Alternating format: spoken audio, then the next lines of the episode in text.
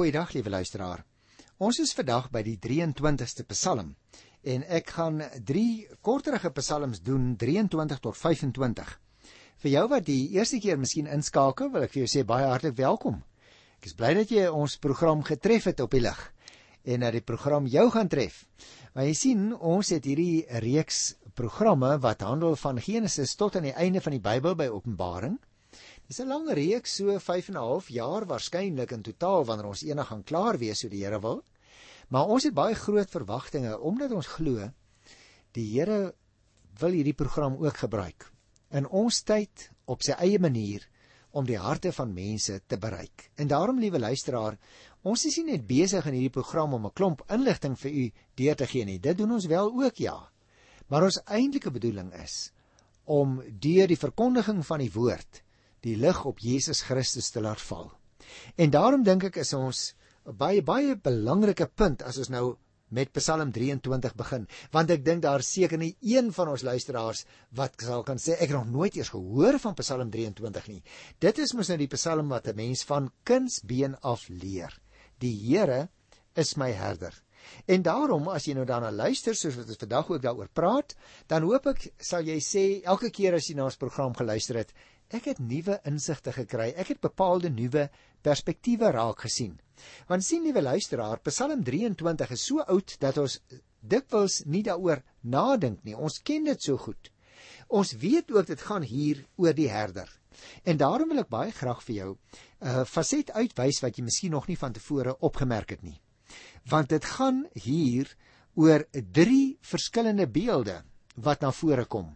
Ons kan naamlik hierso die eh, beeld sien van die getroue goeie herder. Ons gaan ook uitwys dat 'n mens hier kan raak sien die beeld van die betroubare leidsman en dan ook die gasheerbeeld. Maar kom ons begin by die eerste. Kom ons lees eers net vers 1. Die Here is my herder. Nou dis baie interessant dat ons dit hier lees, dat die Here gesien word as 'n herder. Jy sien, die digter het waarskynlik hier uit sy eie ervaringswêreld geput toe hy die Here as 'n herder beskryf het. Want hy het as seun skape opgepas. Jy onthou nog vir ou Dawid, daar in 1 Samuel 16 vers 10 en vers 11. Skape is natuurlik heeltemal afhanklik van 'n herder. En hy moet hulle versorg. Hy moet hulle lei en hy moet hulle beskerm. Interessant, né? Nee? Die Here Jesus Christus word ook in die Nuwe Testament die goeie herder genoem. Gaan lees gerus maar in Johannes 10 vers 11. En jy moet onthou dat toe die Here gesê het ek is die goeie herder, moes dit die Jode se hare laat regop staan het. Want hulle sou niks daarvan gehou het nie, want hulle het die Here gesien, God gesien as hulle herder. En hulle het dit as aanmatigend beskou dat die Here Jesus nie net na homself as die herder verwys het nie, maar as die goeie herder. Daar word ook na hom verwys as die groot herder in Hebreërs 13 vers 20 en 21 en wie wat daar word selfs na die Here verwys as die opperherder in 1 Petrus 5 vers 4. Maar genoeg. Jy en ek wat in sy seun glo, ons is die skape van sy kudde. En dit beteken hoop ek nie, liewe luisteraar, dat ons dom is en bang is en passiewe diere is soos skape soms is nie, maar dat ons aan hom gehoorsaam is. Dat ons verstandig genoeg is om die een wat ons op die regte pad lei, te volg. Jy sien, die klem val nie in hierdie Psalm op die dierlike eienskappe van die skape nie, maar op die disippelskap van die wat die Here volg. As jy die goeie herder sien, volg hom. Liewe luisteraar, dalk wil die Here nog in sy wye genade hierdie program gebruik om vir jou by die goeie herder uit te bring. Luister gereeld na die program, luister in biddende afhanklikheid en jy sal die held uit Bosra. Jy sal die goeie herder, jy sal die prins van die hemel sien skitter op die horison van die tyd, want hy is besig om te kom volgens die Bybel en dit is vir hom dat ons vereer as die goeie herder. Ek wil nog 'n aspek uitwys dat ons moet opmerk dat daar gepraat word van my herder. Met ander woorde, Dit gaan nie sommer oor enige herder nie.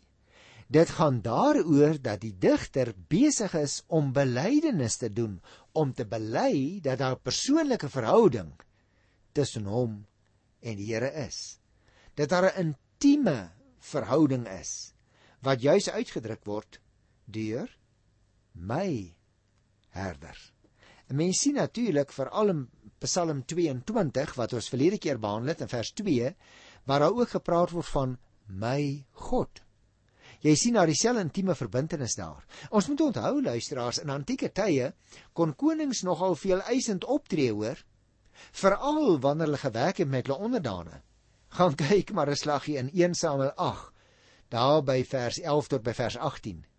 Maar Dawid, wat self die koning is van Israel en Juda op daardie stadium, hy bely dat sy koning so goed vir hom sorg dat hy niks kort kom nie. Nie nou nie en ook nie in die toekoms nie. 'n Koning moes natuurlik veral sorg dat die lewensomstandighede van sy onderdane van so 'n aard was dat hulle genoeg gehad het om te eet. En daarom wil ek by hierdie uh, beeld van die goeie herder nou verder lees. Die Here is my herder. Ek kom niks kort nie. Hy laat my in groen weivelde rus. Hy bring my by waters waar daar vrede is. Hy gee my nuwe krag.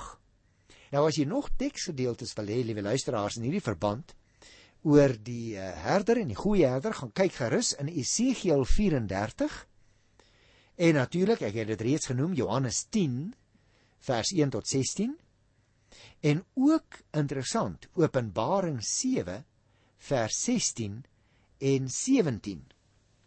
Kom ons gesels oor hierdie gedeeltjie wat ek nou gelees het tot aan die einde van vers 3a. Want jy sien liewe luisteraar, ons leer ware tevredenheid ken as ons God toelaat om die herder van ons lewe te wees en dat hy ons sal lei elke dag. As ons egter die sonde bo sy leiding kies, kies ons om ons eie pad te loop En dan kan ons natuurlik nie die Here blameer vir die samelewing waarin ons lewe nie. Ons herder weet waar die weivelde en die water is wat ons kan versterk.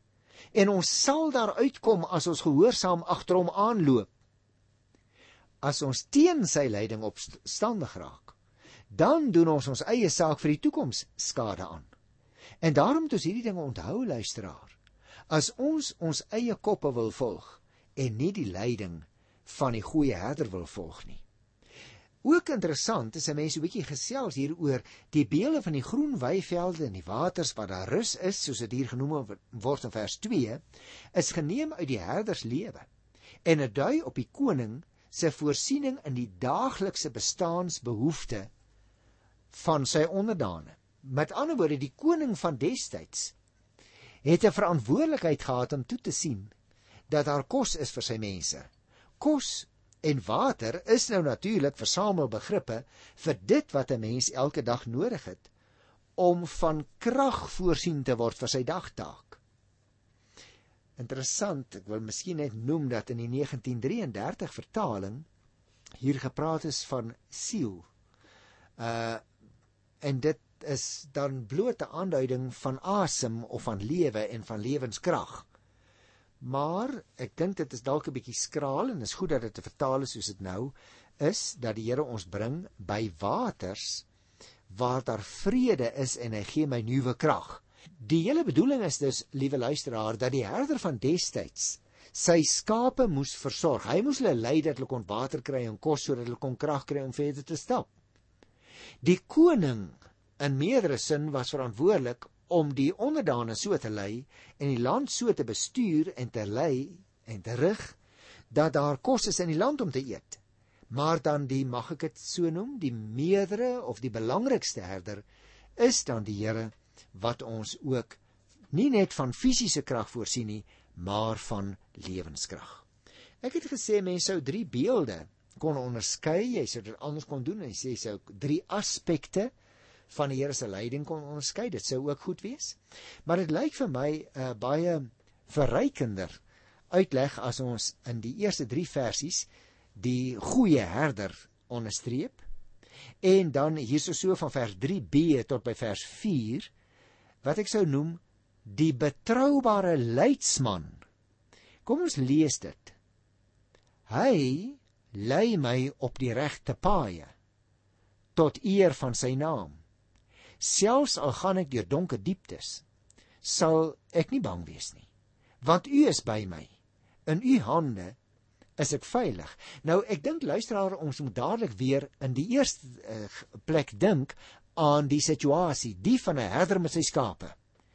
En natuurlik as jy hulle deur die hewe land van Judea lei, dan beteken dit as jy in die vlak in die diep gedeeltes ingaan wat soms baie diep is omdat daar min reën val en wanneer daar wel reën val, dan kalwe die water wat stroompies vorm uh naderhand dieper uit in die uh in die valleie en dan kan 'n mens soms diep stap onder in 'n vallei en 'n mens kan jou in Suid-Afrika dit nie regtig voorstel nie, maar dan is die son en die hemelruim net so 'n smal stukkie ver bokant jou waar jy stap hier onder in die diepte. En dit het moontlik die gedagte laat ontstaan van die doodsvallei of waar dit donker is.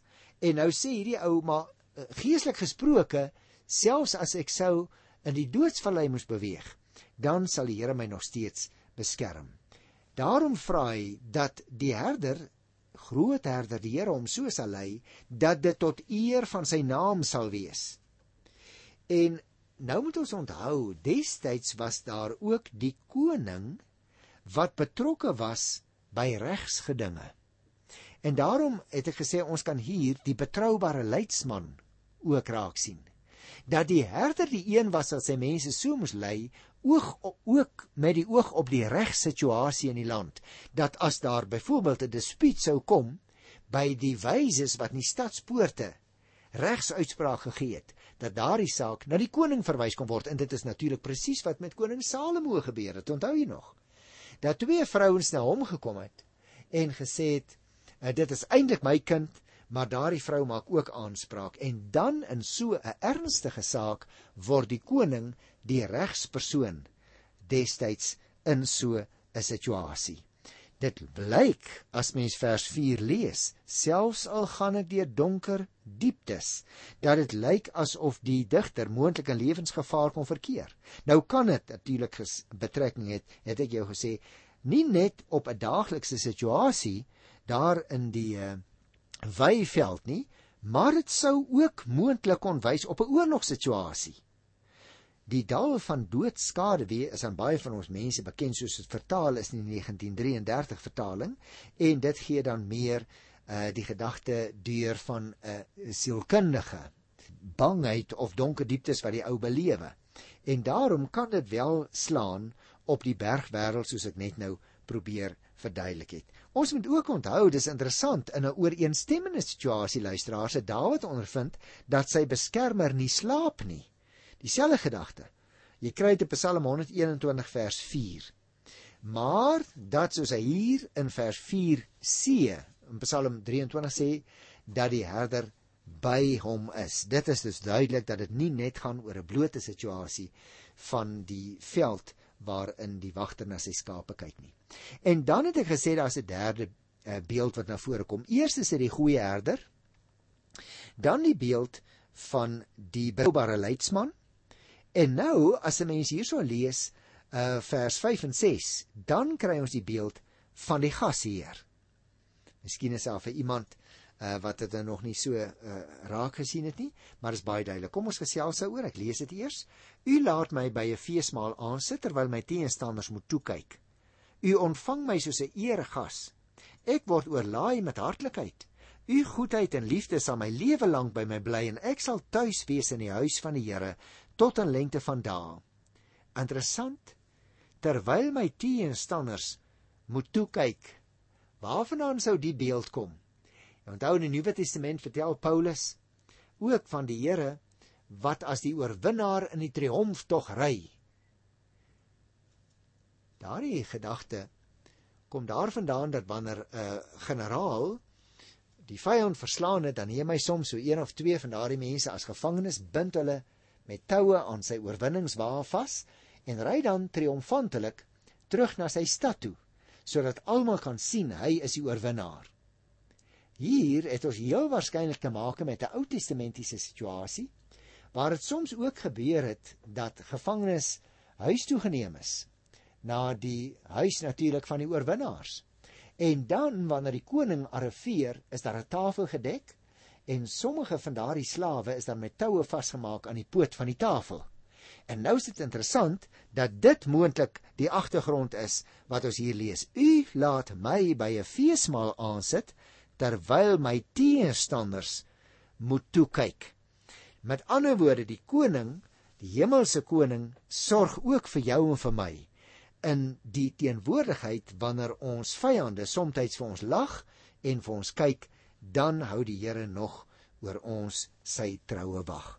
En daarom sien ons hier die beeld van die gasheer wat dan in oorvloed voorsien soos wat destyds deur 'n generaal gedoen is, deur 'n oorwinnaar gedoen is, wat deur 'n wagter gedoen is om vir sy eie wagte gras en voer te voorsien, maar jy en ek sê dit ook teenoor die Here Ja, o ja, vir ons tydelike behoeftes. Soos wat die Here ons geleer het in Matteus 6, gee ons vandag ons daaglikse brood. Baie konkreet, maar ook geestelike voedsel.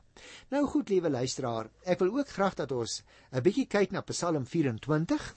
Nou elke een van die psalms is vir my baie wonderlik en daarom wil ek hulle nou nie afskeep nie. Ek sou sê die agtergrond van Psalm 24 is waarskynlik geskryf in groot blydskap. Heel moontlik toe die verbondsark uit die man Obed Edom se huis gehaal is daar in 'n klein dorpie en na Jerusalem teruggebring is. Jy kan gerus die verhaal gaan lees in 2 Samuel 6 vers 10 tot by vers 12. Nou volgens oorlewering is dit dan ook op die eerste dag van die week in die tempel gesing hierdie spesifieke Psalm 24. Die Psalm is uh, wat wil ek sê al deur die eeue op verskillende maniere getoons het is is waarskynlik tydens gesamentlike aanbidding gebruik in 'n erediens. Nou is dit ook moontlik ook herhaaldelik by die tempel opgevoer. Jy sien 'n so opvoering van destyds het die mense aan die buitekant van die tempelpoort uitgeroep dat die poort moet oopgaan sodat die magtige koning, bedoelende die Here, sodat die magtige koning kan ingaan. En dan het die priesters of 'n ander groep aan die binnekant van die muur gevra: "Wie is hierdie magtige koning?" En die mense buite het geantwoord: Die Here, sterk en geweldig, die Here oorwinnaar in elke stryd. Die kinders wat dan ook deel gehad het aan hierdie optog, het belangrike lesse daaruit geleer. Tydens die opvoerings is die vrae herhaal, soos aangedui word ook in uh, vers 9 en vers 10 van vers 24. En dan het die tempelpoort natuurlik oopgeswaai as 'n simbool dat die mense graag wou hê dat God by hulle teenwoordig moet wees. So kom ons lees hierdie psalme en dan gesels ons daaroor. Ek gaan eers uh net 'n gedeelte lees van Psalm 24, naamlik uh die eerste 6 verse. Die aarde en alles wat daarop is, die wêreld en die wat daarin woon, alles behoort aan die Here, want hy het die fondamente daarvan in die see vasgelê en dit stewig gevestig in die waters. Wie mag die berg van die Here opgaan en wie mag in sy heiligdom vertoef? Die een wie se hart suiwer is wat alle bedrog vir my en geen valse eed aflê nie. So iemand sal van die Here seën ontvang en God, sy redder, sal reg aan hom laat geskied. Die mense wat na sy wil vra en hom dien, is die geslag van Jakob. Interessant dat dit hier gesê word, né? Want ons moet onthou, liewe luisteraar, die geslag van Jakob was natuurlik vir die ou Jode baie belangrik. Julle kan gaan kyk as julle wil wat daar geskrywe word in Deuteronomium 10 vers 14 en 15 en ook Romeine 9 by die 6ste versie. Nou is hierdie optog dus aan die gang. So kom ons lees nou van vers 7 af. Verbly julle poorte, wees bly, u oue poorte, want die magtige koning wil ingaan. Wie is hierdie magtige koning? Die Here, sterk en geweldig. Die Here, oorwinnaar in elke stryd. Verbly julle poorte, wees bly, u oue deure, want die magtige koning wil ingaan. Wie is hy? Hierdie magtige koning, die Here, die almagtige. Hy is die magtige koning. So jy sien, die agtergrond wat ek jou geskets het oor hierdie optog wat plaasgevind het en dit is dan ook te gelykertyd nie net van die koning van Israel 'n beeld wat uh, belangrik is nie, maar ook 'n beeld, 'n sogenaamde koningslied, ook 'n Messiaslied soms genoem as 'n beeld en 'n lied wat die intog van die koning beskrywe onder sy mense. Ek wil graag afsluit het ek gesê met Psalm 25 en dit is ook 'n baie interessante Psalm, liewe luisteraar, baie goed aan ons almal bekend. Kom ek vertel jou so ietsie van die agtergrond. Dis interessant om te weet dat byna die helfte van die psalms, 72 van hulle om presies te wees, word daar van vyande gepraat. Vyande is natuurlik net nie net mense wat teen ons se kant is nie, maar ook die wat gekant is teen 'n lewe volgens God se wil en standaarde. Nou die digter in Psalm 25 vra dan die Here om te keer dat sy vyande hom nie sal oorweldig nie, want hulle was natuurlik gekant vir die dinge waarvoor die digter staan. Hy was bang dat die mense sou dink dit help nie om vir God te lewe as sy vyande suksesvol sou wees nie. Hy het geweet dat die Here altyd seëvier, maar hy wou nie hê dat sy vyande se sukses anders se geloof nadelig moes beïnvloed nie. So die Psalm begin dus met 'n gebed. En dit is 'n baie eenvoudige Psalm, sy struktuur is baie eenvoudig en ek gaan net enkele verse daarvan onderstreep vandag. Kom ek lees die eerste gedeelte. Psalm 25 van Dawid. Tot U, Here, rig ek my. My God, op U vertrou ek. Laat my vertroue tog nie te vergeefs wees nie. Laat my vyande nie juig oor wat met my gebeur nie. So Dawid voer aan as dit ware as hy so tot die Here roep en pleit en hy sê Here as my vyande nou die oorwinning sou behaal, dan mag hulle dalk dink dat U nie sterk is nie. Nou kom hy by sy belydenis hier by die 3de vers. Niemand wat sy verwagting in U stel, sal beskaamd word nie. Die wat nie op U vertrou nie, hulle kom in die skande. Maak my wil bekend, Here. Leer my U paaie.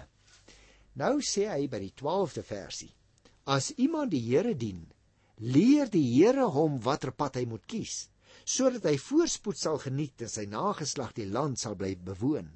Die Here neem die wat hom dien as hy vertroue en maak sy verbond aan hulle bekend. My oë is altyd op hom gerig, want dit is hy wat my voete uit die vangnet sal hou. Dit is dus duidelik dat Dawid baie vaste vertroue in die Here het. Maar uiteindelik, nadat hy nou verwys het na die vyande, verootmoedig hy homself voor God. En miskien is dit waaraan jy ook vandag saam met my behoefte het, liewe luisteraar. Kom ons trek dan ook hierdie Psalm se laaste verse aan soos 'n jas en ons verootmoedig ons voor die Here. Luisteraars, kom ons sluit dan af met die laaste paar verse van Psalm 25 en daarmee verootmoedig ons ons ook voor die Here. Ek begin by vers 16 tot by 22.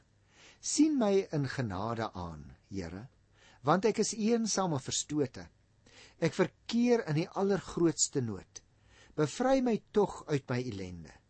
Kyk hoe sleg gaan dit met my en kyk hoe swaar kry ek. Vergewe tog al my sondes. Kyk hoe baie vyande het ek en hoe vel haat hulle my. Beskerm my en red my. Laat my nie beskaam staan nie want by U skuil ek. Laat ons skuld en opregtheid oor my die wag hou want op U vertrou ek. O God, red Israel uit al sy nood.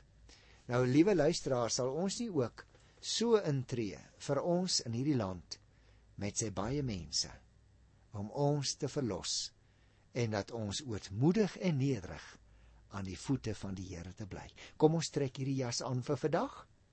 Ek groet jou in sy wonderlike naam tot volgende keer. Tot dan. Totsiens.